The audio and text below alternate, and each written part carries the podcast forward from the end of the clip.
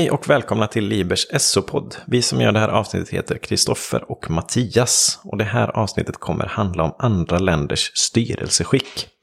Om, om vi börjar med att förklara begreppet, vad är ett styrelseskick för någonting? Ja, ett styrelseskick det är ju hur ett land styrs. Alltså vem som bestämmer, hur ska de som bestämmer utses och då kan man säga att det finns två huvudtyper av styrelseskick och det är ju demokrati och diktatur. Det vill säga, ska folket bestämma eller ska en, ett fåtal personer bestämma? I det här avsnittet så kommer vi hålla oss till demokrati och vi kommer jämföra Sverige med två andra länder, nämligen Tyskland och Storbritannien.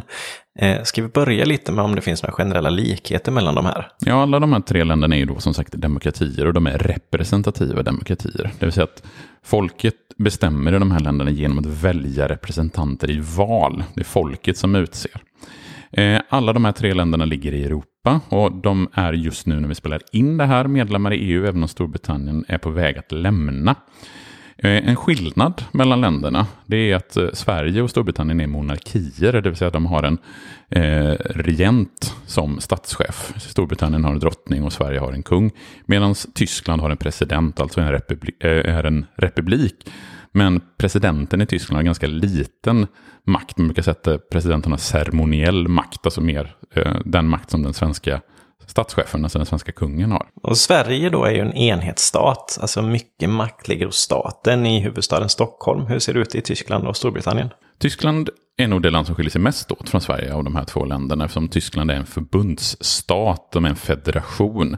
Och det betyder att Tyskland har delstater. Eh, och varje delstat i Tyskland har ett eget parlament med ganska stort inflytande. Man har liksom makt över eh, vissa frågor som man får bestämma över. Lite likt USA där de olika delstaterna i USA har eh, ganska mycket makt. Storbritannien är precis som Sverige en enhetsstat, det vill säga dess huvudstaden London har stor makt. Men skillnaden mellan Storbritannien och Sverige det är att eh, Storbritannien också består av fyra riksdelar, alltså England, Wales, Skottland och Nordirland. Där tre av dem, Skottland, Wales och Nordirland, har ganska stort självstyre. De har egna parlament till exempel. Så att där skiljer sig både Storbritannien och Tyskland ganska mycket ifrån Sverige. Nu har pratat en del om, om, parlament och Sveriges parlament heter ju riksdagen och det tillsätts med proportionella val. Alltså får man 10% av rösterna ska man få 10% av platserna ungefär. Och parlamentet stiftar lagarna och utser statsministern. Hur ser det ut i Tyskland och Storbritannien? Båda länderna har parlament som har den lagstiftande makten, så på så sätt så liknar de Sverige. Men Tyskland är ju då en federation, består av delstater, så där har man valt att ha ett tvåkammarsystem med förbundsdagen som väljs direkt av folket, ganska likt den svenska riksdagen, och något som kallas förbundsrådet. Och det här förbundsrådet det väljs då av de olika delstaterna.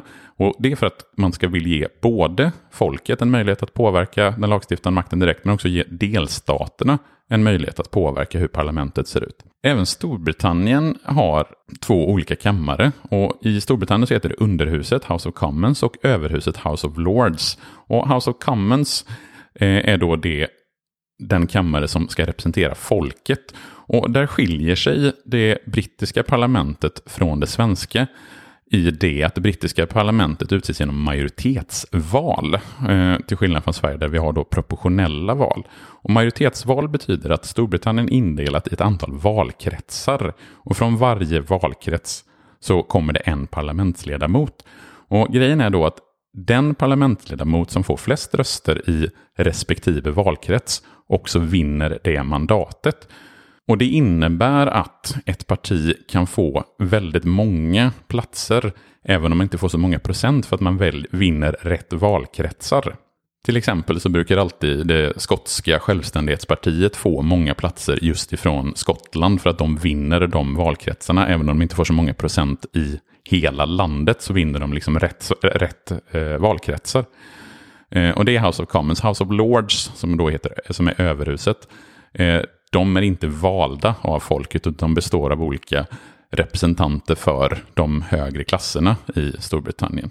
Och eftersom House of Commons är det som är direktvalt och valt av folket så har de betydligt större inflytande och större möjlighet att påverka till exempel lagstiftningsprocessen än vad House of Lords är. House of Lords är mer av ett rådgivande organ som kan eh, bromsa lagstiftningsprocessen men egentligen inte förhindra eller ändra på den så som House of Commons kan göra. Då har vi alltså pratat om om parlament som i Sverige heter riksdagen. Eh, riksdagen i Sverige väljer som sagt en statsminister och den här väljer sedan sina ministrar som tillsammans bildar regeringen som verkställer riksdagens beslut. Om man ska en kort jämförelse med Tyskland och Storbritannien här. Ja, där är det ganska likt. Eh, Tyskland så heter statsministern förbundskansler och väljs då av den tyska förbundsdagen på förslag av den tyska presidenten. För att förbundskanslern ska kunna tillsättas så måste den personen ha stöd i det tyska parlamentet. Så där finns det en väldigt tydlig likhet med Sverige.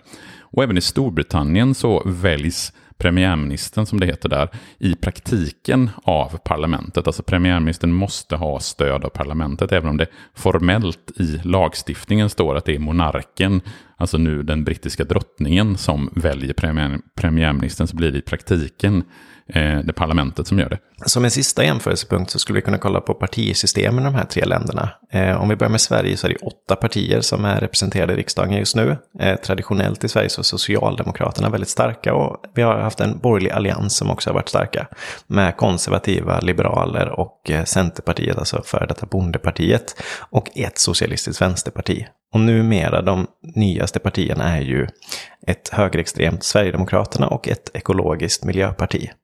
Hur ser det ut i Tyskland och i Storbritannien?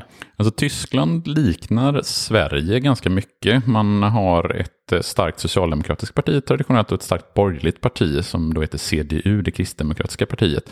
Skillnaden där är att i Tyskland så har borgerligheten varit centrerat i ett parti medan i Sverige så har det varit centrerat i flera olika partier. Numera så finns det också ett ekologiskt parti, De Grünen, ett vänsterparti, eh, Die Linke, som har sin bas framförallt i eh, gamla socialistpartiet från Östtyskland. Det finns ett liberalt parti och ett högerextremt parti, alternativ för Tyskland, så det är ganska likt det svenska partisystemet. Storbritannien däremot skiljer ganska mycket från det tyska och det svenska partisystemet. För det valsystem man har med majoritetsval, det gynnar de stora partierna. Så där finns det ett konservativt parti, Tories, och ett socialdemokratiskt parti, Labour. De två partierna var totalt dominerande i brittisk politik under eh, väldigt, väldigt lång tid. Numera så finns det också ett liberaldemokratiskt parti som har eh, vuxit och det finns ett högerextremt parti som har haft många procent i valet men som har fått ganska få platser på grund av, sitt, eh, på grund av valsystemet i Storbritannien. Det som finns i Storbritannien som skiljer det mest åt från Sverige och Tyskland, det är att det finns en regional dimension. Det vill säga det finns starka skotska, walesiska och nordirländska partier som driver till exempel skotsk självständighet eller nordirländsk självständighet som har representation i det brittiska parlamentet. Några sådana partier finns egentligen inte vare sig i Sverige eller i Tyskland. Eh, idag har vi alltså lärt oss om tre, tre demokratiska länders styrelseskick, nämligen Sverige, Tyskland och Storbritannien. Och att det finns eh, en del saker i de här ländernas styrelseskick som är lika, till exempel att man är representativa demokratier, men att det också finns mycket som skiljer dem åt i hur det i praktiken ser ut när man formar sitt styrelseskick, alltså hur man bestämmer. Tack för idag. Tack för idag.